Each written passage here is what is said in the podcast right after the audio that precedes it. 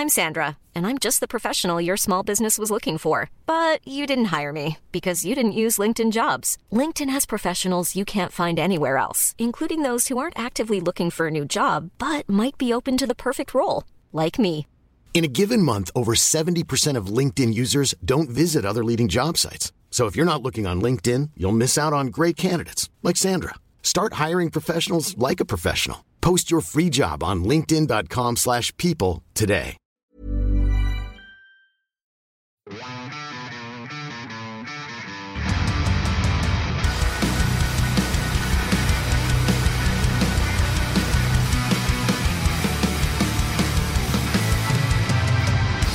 Välkommen till skräckfilm... Välkommen till skräckbokcirkeln. Surprise, surprise! Skräck kommer i alla former och storlekar. Det är ju inte bara filmer vi skräcknördar skräms och förundras över. Det finns faktiskt några andra medium. Både jag och Fredrik är ju stora Stephen King-fans och i mitt sinne kom jag fram till att det faktiskt är människor bakom de här raderna av text vi läser eller lyssnar på när vi inte startar den där favoritfilmen eller ger oss i kast med en superb remake eller skrattar oss åt en klassisk slasher. Låt den rätte komma in, Salems lot, Det, Hellraiser, you name it. Det är filmer som är baserade på böcker eller noveller.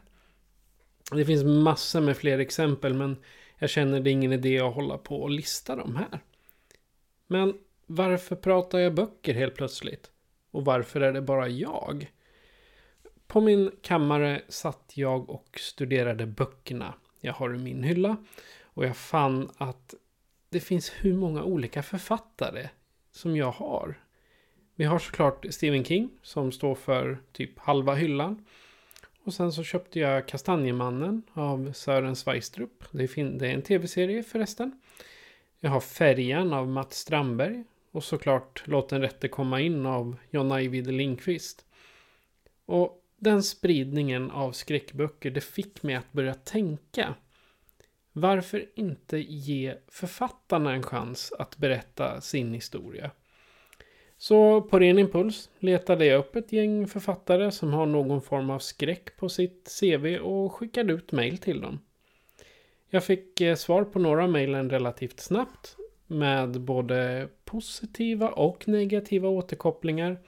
Och en av dem som svarade och tackade ja, det var Caroline Grimwalker. Med mig framför mig har jag Caroline Grimwalker. Författare och även någon typ av lärare. Vad får hon berätta själv? Så välkommen Caroline. Tack så mycket. Jättekul att du, får, att du kommer hit. Du är, faktiskt, du är faktiskt först ut i den här serien av bonusavsnitt. Så ingen press nu. Ja men det är lugnt, jag ska göra så att de andra får svårt att leva upp till det här. Eh, jo, jag eh, satt och bläddrade lite i min eh, e-bokapp och då stötte jag på en, eh, en roman som hette, eller inte en roman, det är en novellsamling om jag inte är helt fel, stötte jag på Rovdjur hette den. Mm. Och den tyckte jag var väldigt underhållande, den första halvan. Tack så mycket. Sen, ja, och när jag hade kommit färdigt första halvan, då bestämde jag mig för, äh, den här författaren måste jag ha med. Ja men vad kul. Hon måste få, ja, hon måste få presentera sig. Mm. Så då, då frågar jag dig, vem är du? Var kommer du ifrån? Oh, den lilla, lilla frågan. den lilla frågan. Eh, jo men vem är jag? Jag eh, är en person som ganska länge har velat vara författare. Eh, och det är jag idag, jag debuterade 2008 men jag är en sån där irriterande typ som förlagen avskyr för att jag skriver massa olika typer av böcker. Jag har liksom skrivit eh, självbiografisk bekännelseroman, jag har skrivit eh, en komedi om Gamla Testamentet, jag har skrivit skräckkomedi, jag har skrivit renodlad skräck. Jag har skrivit feministiska thrillers och eh, tradi- rätt så traditionella thrillers och spänningsromaner är väl det jag skriver mest nu. Men jag har liksom svårt att hålla mig i, inom en genre och sådär och det, det gillar inte riktigt förlagen. Men då har jag löst det genom att skaffa fler förlag istället. Vad gör du mer än att skriva böcker och noveller? Jag har förstått att det brinner i fingrarna och i huvudet när du hittar på historier. Ja men precis, det, men det är både jag och min man är likadana där. Vi skriver extremt snabbt och vi skriver väldigt mycket. Just det här att vi har flera serier igång på olika förlag.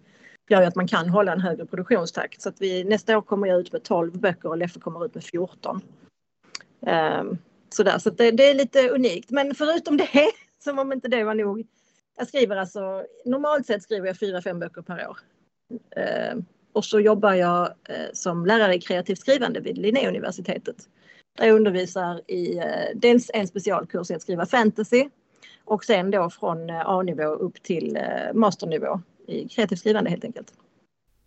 Okej, det utbildning du har är typ eh, litteraturlärare eller vad ska man kalla det? Oj, nej, den är precis som mitt bokskrivande. Jag har en eh, grundläggande rättsutbildning heter det. Det är eh, halva juristprogrammet i Lund.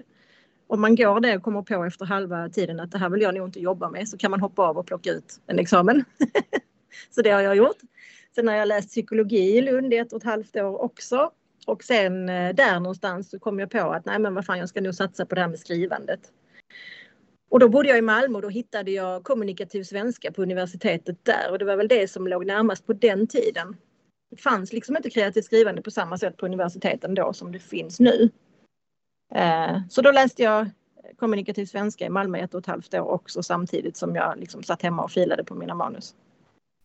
Eftersom vi är eh, skräckfilmcirkeln eller som det här avsnittet heter skräckbokcirkeln så undrar jag liksom din relation till skräck och skräckfilm om man ser bort från att du skriver skräckböcker själv. Ja men den är, det är en lång och intensiv kärlekshistoria som har pågått i säkert 35 år vid det här laget. Gissar jag, någonstans där.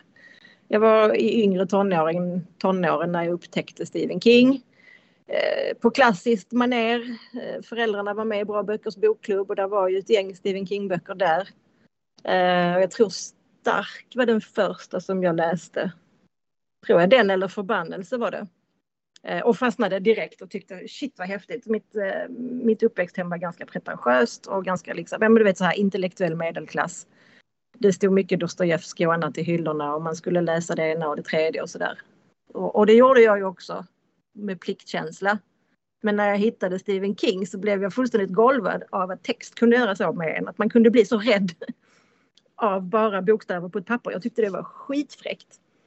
Eh, så där någonstans började jag, kanske var 13, 14 någonstans där. Och det var liksom mitt tonårsuppror. Det var att jag började läsa så kallad kiosklitteratur som det var på den tiden.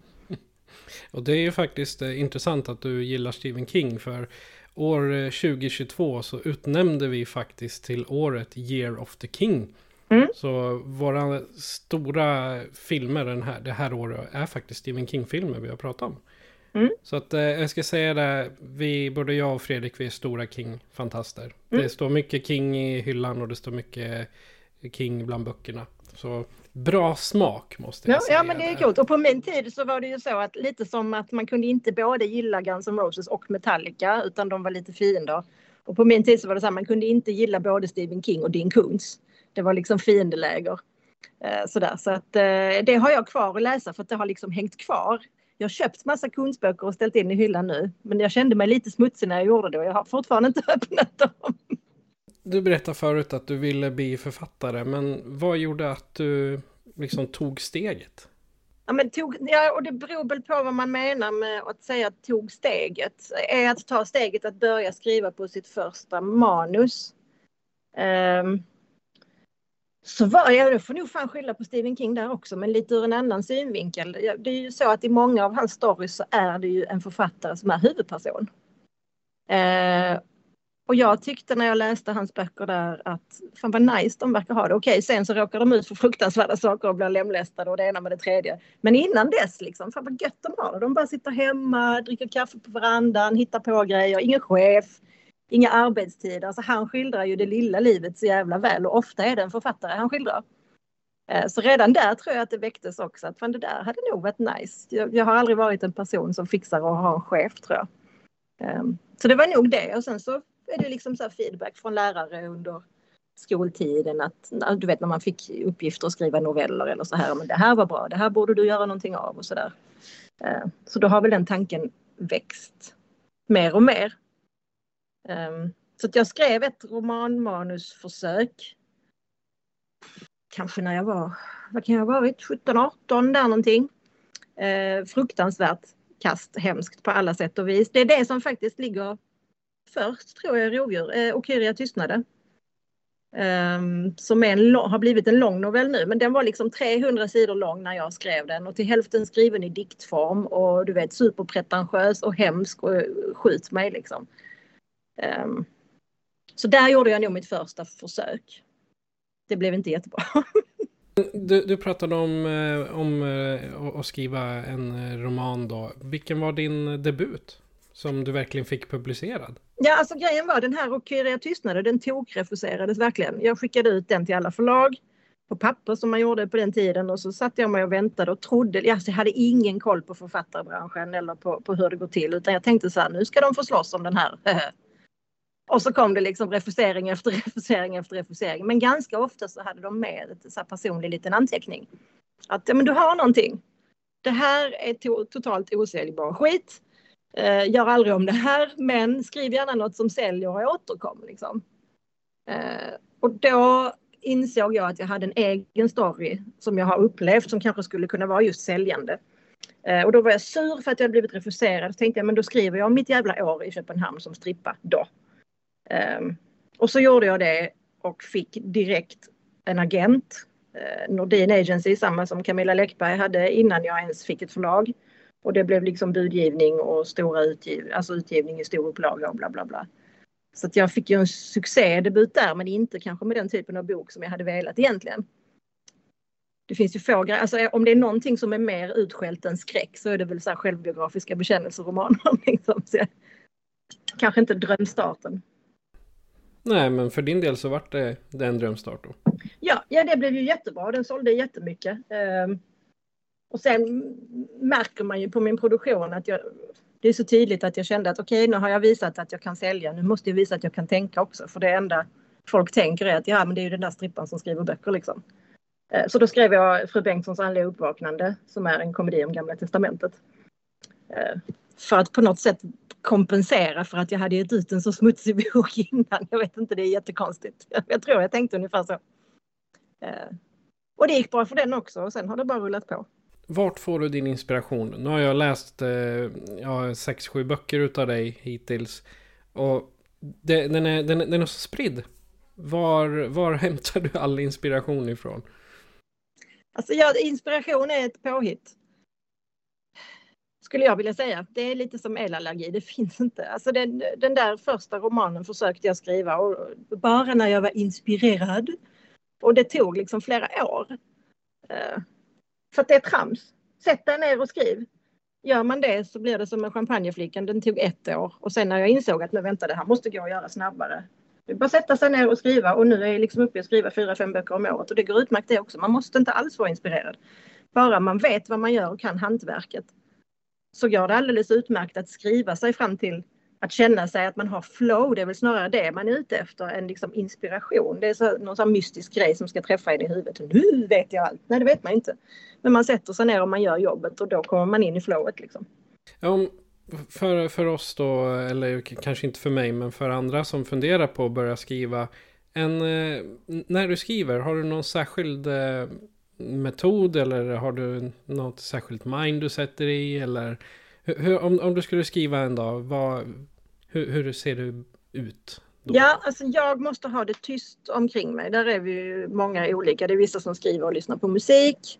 Andra är som min man som kan sitta liksom en tv-serie på, på tv-skärmen och sitta vid tvn och kolla på serie och skriva samtidigt och så ha musik på. Jag, jag fattar inte, jag hade exploderat till slut.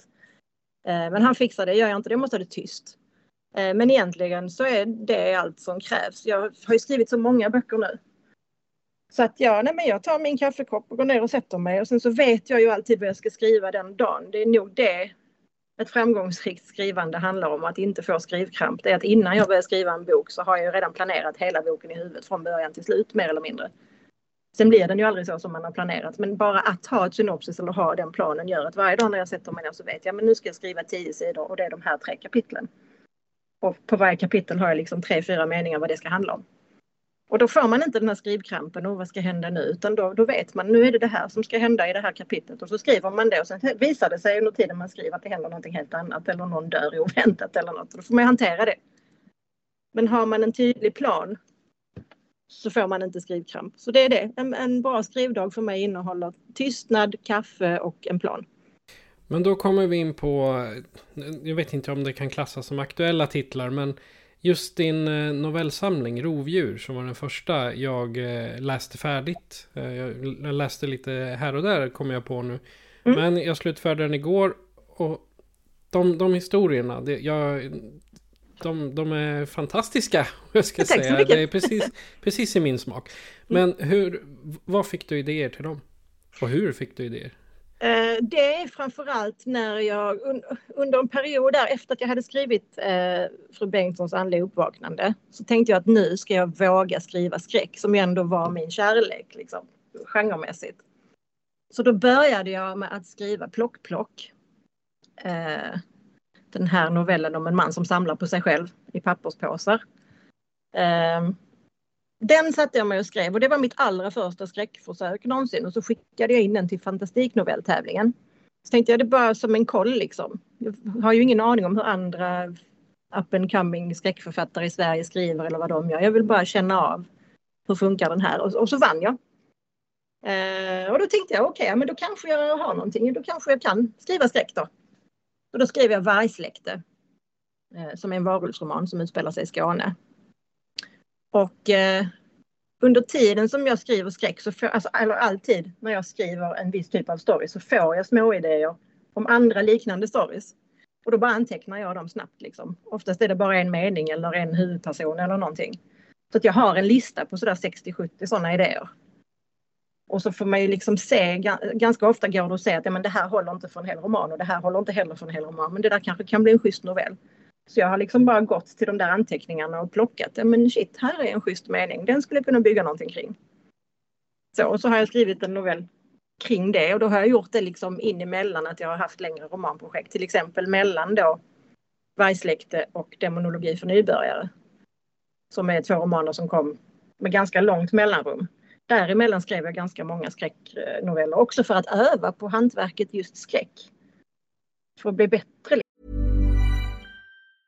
Mother's Day is around the corner. Find the perfect gift for the mom in your life with a stunning piece of jewelry from Blue Nile. From timeless pearls to dazzling gemstones, Blue Nile has something she'll adore. Need it fast? Most items can ship overnight. Plus, enjoy guaranteed free shipping and returns. Don't miss our special Mother's Day deals. Save big on the season's most beautiful trends. For a limited time, get up to 50% off by going to Bluenile.com. That's Bluenile.com.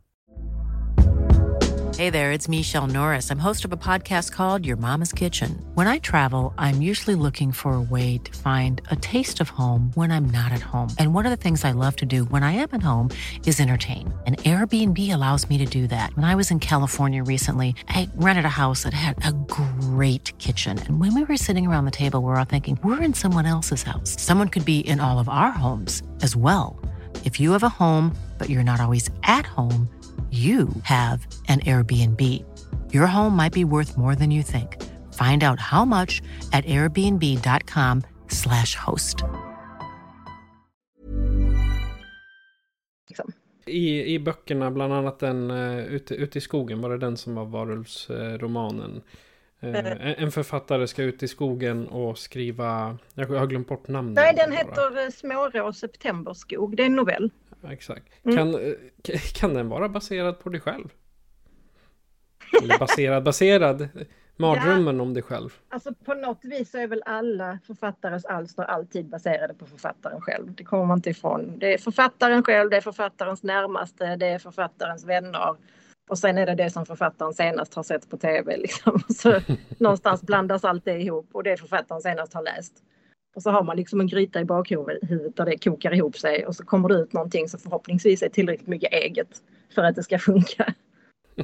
Och är det någon som inte har läst just den novellen ännu så ska, kan jag säga den med tre ord. Det är Småknytt, en kvinna med klänningen ut och in och en eh, författare som inte skriver ett helt ord på hela novellen om jag inte har helt fel.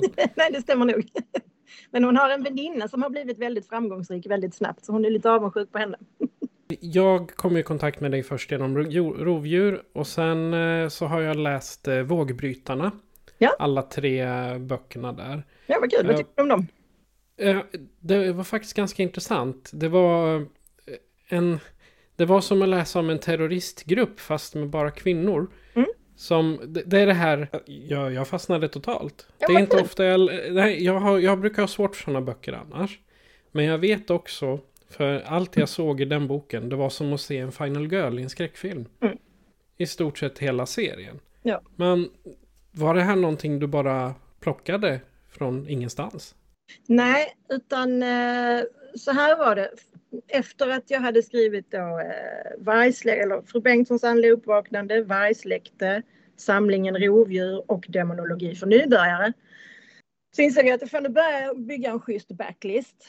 Eh, men jag måste fortfarande jobba som ett svin med massa annat för att jag har liksom inte råd att bara ägna mig åt skrivandet. Eh, vad gör jag? Ja, men jag tröttade på att vara fattig så jag bytte till att skriva spänning liksom. Eh, Och då satte jag mig och funderade igenom vad kan jag göra med spänning som jag ändå tycker är kul. Alltså mina böcker är rätt spektakulära och tar ut svängarna rätt hårt. Även för att vara skräck. Det kan man säga. Och då var jag så här, men kan jag göra det på något sätt i en helt realistisk spänningsroman? Eh, och så satte jag mig liksom, vad är det jag brinner för? Ja, men jag brinner för feminism och jag brinner för antirasism. Och jag sa, men om jag fokuserar på feminismen då, vad kan jag göra för kul med det? Vad kan jag göra som är liksom over the top, helt galet, helt skruvat, som inte har gjorts innan? Eh, och då dök den här historien upp. Om de här galna kvinnorna som verkligen börjar avrätta män bara för att de är män. Så, och du har helt rätt i att det är en final girl, det har jag faktiskt inte tänkt på på det sättet. Men jag brukar ofta säga att vågbrytarna är ju realistisk skräck. På samma sätt som kanske Cape Fear också är en skräckfilm egentligen. Det, det är ju inte en thriller. Den skräcken vill jag ju åt också. Eh, och det är ju trevligt om jag har lyckats med.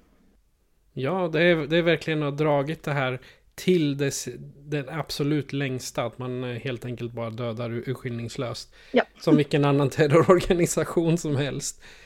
Men man måste läsa eh, böckerna för att förstå varför jag säger att det är feministiska terrorister typ. Sen eh, vet jag att det är en eh, serie på gång. Eh, jag läste den första rekryteringen Mm. om Trickster. Var har du fått dem, den inspirationen eller vad man ska säga? Från tre ställen skulle jag säga. På ett sätt är hon direkt inspirerad också av Linn Walter och tjejerna i Vågbrytarna-trilogin. För att grejen är den här serien kom till på ett ganska annorlunda sätt. Jag hade skrivit Vågbrytarna och skickade ut den och så var det två förlag som väldigt gärna ville ge ut den. Så de började liksom slåss lite sinsemellan och lite budgivning och sådär. Och sen till slut vann då det förlaget som vann och som nu har gett ut den. Och så gick det ett par veckor och så kom det andra förlaget till mig och sa men alltså vi gillar verkligen hur du skriver när du skriver spänning. Skulle du kunna tänka dig att skriva en serie till oss också? Um, och då var jag så här, ja fan ge mig en månad. Uh, så satte jag mig och arbetade fram ett synopsis på tre böcker och skrev de 50 första sidorna i bok 1, då rekryteringen och så skickade jag det till dem och så signade de det på studs liksom pang bom trebokskontrakt. Så det är därför de två liksom löper lite parallellt de serierna. Och då hade jag precis, eller då skrev jag precis eh, Vågbrytarna så att jag var ju inne i det här med tuffa tjejer som inte tar skit.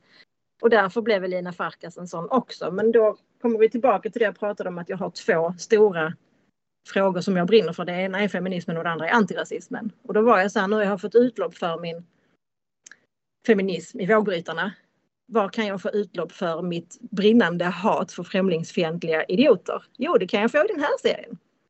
Så, så då byggde jag liksom, så Ina Farkas är ju jag i det i så måtto att hon hatar mobbare och rasister och främlingsfientliga är ju ingenting annat än mobbare på en annan nivå bara. Och så är hon lite feminist också, det här med vågbrytarna. Och sen är hon baserad på min mormor och hennes systrar under andra världskriget. Jag vet inte om du har läst pappersboken eller lyssnat på ljudboken? Nej, jag lyssnar på ljudboken. Okej, för att sen i pappersboken så finns det ett efterord eh, som just beskriver allt det här att det man får veta om Mina Farkas bakgrund i boken det är min mormor och hennes systrars bakgrund. Ja, men det, det fanns med på ljudboken också. Ja, ja, det Ja. läste de upp i slutet. Så, Ja, ja, ja. Fanns intervjun med där också? eh, nej. nej, ingen intervju. Det fanns bara en, en, en beskrivning av vad, vad det handlade om. Ja, okej. Eh, ja, och i pappersboken så finns det också då en intervju med Danuta som är en av de sista överlevande och systrarna som berättar då allt som de var med om. Och, och det var ju hennes berättelse och min mormors och hennes systrars berättelse som jag tyckte var så viktig att den får inte försvinna. Eh, där det alltså, ja för lyssnarna kan jag ju då säga att min mormor var den yngsta av fem systrar. Hon var nio när kriget bröt ut. Alla fem systrar hamnade i koncentrationsläger. Eh, en av dem var bara 19 och, och jobbade för motståndsrörelsen i Polen, eh, i Warszawa och blev ihjältorterad i Auschwitz. Eh, utan att nämna några namn, vilket är stenhårt. Jag har mycket att brås på där känner jag. Eh, men det var viktigt för mig att den, den delen av min släkthistoria inte försvinner bara för att de liksom blir äldre och äldre. Och nu är det bara min mormor kvar som lever och hon är 92 år idag. Eh, så det, det, var en jättestor inspiration bakom att skriva just Dina Farkas och skriva rekryteringen överhuvudtaget. Det var den ena sidan och sen den andra sidan var samma som förra gången. Vad kan jag göra som är riktigt skruvat som inte har gjorts förut? Och jag älskar Mission Impossible filmerna. Så var jag så här, går det att göra en Mission Impossible i bokform? Ja, vad fan, det måste gå. Jag testar. Så det är det som är liksom målbilden också. Det kommer synas ännu tydligare nu i andra delen, undsättningen som kommer i mars. Där har jag skruvat upp Mission Impossible, eh, liksom ingrediensen till max. Och då ska man väl säga att Trickster-serien handlar om, eh, var det Elina Farkas? Eller? Ina.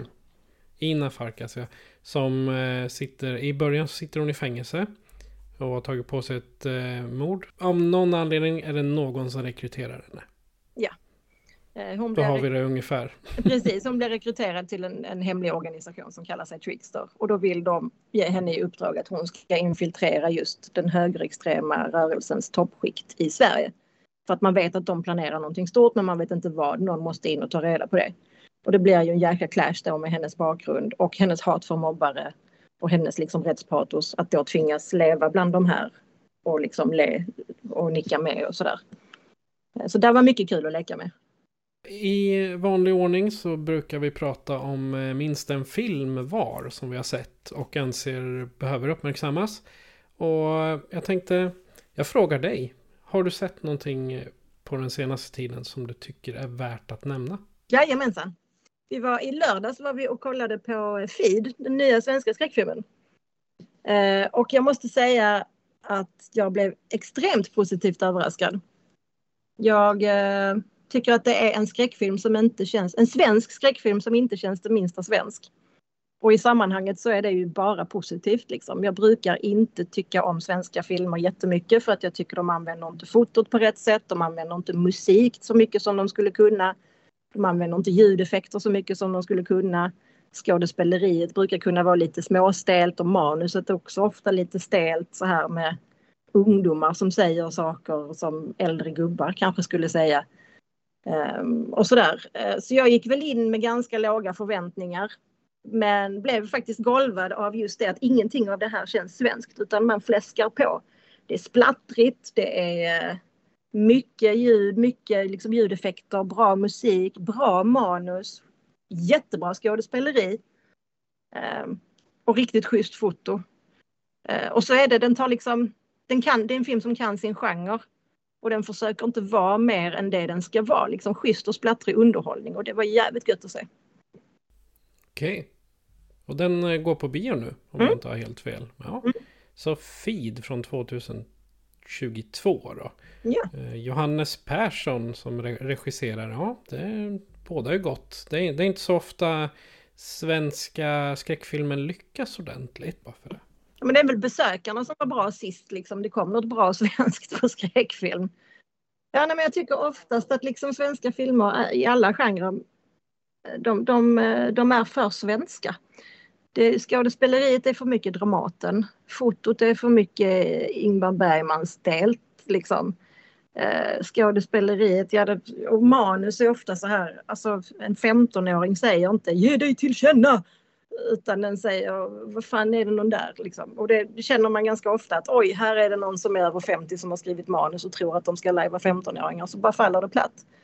Här var det verkligen inte så utan det var schysst manus och bra skådespeleri och allting, allting var coolt. Eh, då så. Jag undrar, var kan man eh, få tag i dig? Var, har du några sociala medier eller eh, har du någon, vill du göra någon reklam för framtida arbete? Ja, det, oh, det vill jag faktiskt. Ja, men ett, man kan hitta mig på både Facebook och Insta. Jag heter Caroline Krimwalker. Eh, och jag lägger till alla som vill. Jag är en sociala medier-slampa som delar med mig av precis allting som händer i mitt liv, inklusive hur jag äter pizza. Eh, men jag vill göra reklam för det som jag och min man håller på med nu. Vi har ju fått ett galet ett bokkontrakt här nu, ett 60-bokskontrakt. Där vi ska skriva 10 böcker på sex månader tillsammans. Och de ska släppas nästa år i sex länder samtidigt. Och det är en, eh, det är en thrillerserie, lite mer åt snutseriehållet. Men både han och jag är liksom kända för det där att vi tar i over the top. Allting är utflippat. Det är konstiga karaktärer som ingen annan skulle våga skriva. Eh, och den här serien heter Döden i december. Och december är inte en månad utan en stad i norra Sverige som vi har hittat på. Eh, så tänk så här, eh, Twin Peaks möter morden i Midsommar eh, ungefär med en massa skruvade karaktärer. Den håller vi på att skriva just nu och den kommer släppas. Jag tror de ska släppa alla tio delar nästa år. Eh, med början i typ september någonting. Så att vi, håller på som satan. Vi skriver på del fyra just nu och ska lämna in sista mars ska vi lämna in alla tio delar. Ja, okej. Okay. Ingen press alls då med andra ord. Nej, nej precis. Men då, då passar, då, då, då, tycker jag det passar din, eh, ditt sätt att skriva, att du bara köttar direkt. Ja, och nu är vi ju två så det är ju snorlugnt. Alltså vi skriver vi fem sidor var, men det är ju tio sidor om dagen. Det är en bok i månaden liksom. Det är ju lugnt och det här är lite kortare böcker. Eh, så att det blir, ja men det är lugnt. Spännande. Det ser vi fram emot. Det mm. kan jag lova. Ja, det gör jag med. Men då så Caroline, tack så mycket för att du eh, ville komma och berätta om eh, ditt författarskap och dina böcker framför allt. Ja, tack så mycket för att jag fick komma. Ja. Jag ser fram emot eh, dina kommande böcker och jag önskar dig en fortsatt trevlig kväll som det är nu. Tack detsamma. Är du författare eller skriver du bara för skojs skull? Skicka gärna in en historia eller berätta om den eh, själv när jag sätter dig i heta stolen för att svara på de djupaste frågorna om din uttrycksform. Du hittar all information du behöver på skräckfilmscirkeln.com eller genom att söka upp oss på just sociala medier. Nästa vecka är det dags för min favoritfilm, The Blair Witch Project, när vi pratar om ämnet Found Footage. Intro och outro är komponerat av Belsemora. Du har lyssnat på Skräckfilmscirkeln med mig, Patrik. Och en bok. Adjö på er.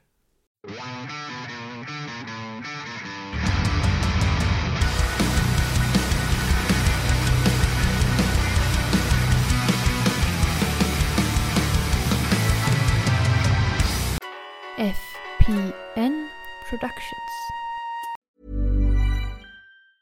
Planning for your next trip? Elevate your travel style with Quince. Quince has all the jet setting essentials you'll want for your next getaway, like European linen premium luggage options, buttery soft Italian leather bags, and so much more. And is all priced at 50 to 80% less than similar brands.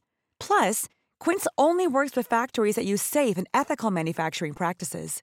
Pack your bags with high-quality essentials you'll be wearing for vacations to come with Quince. Go to quince.com/pack for free shipping and 365-day returns.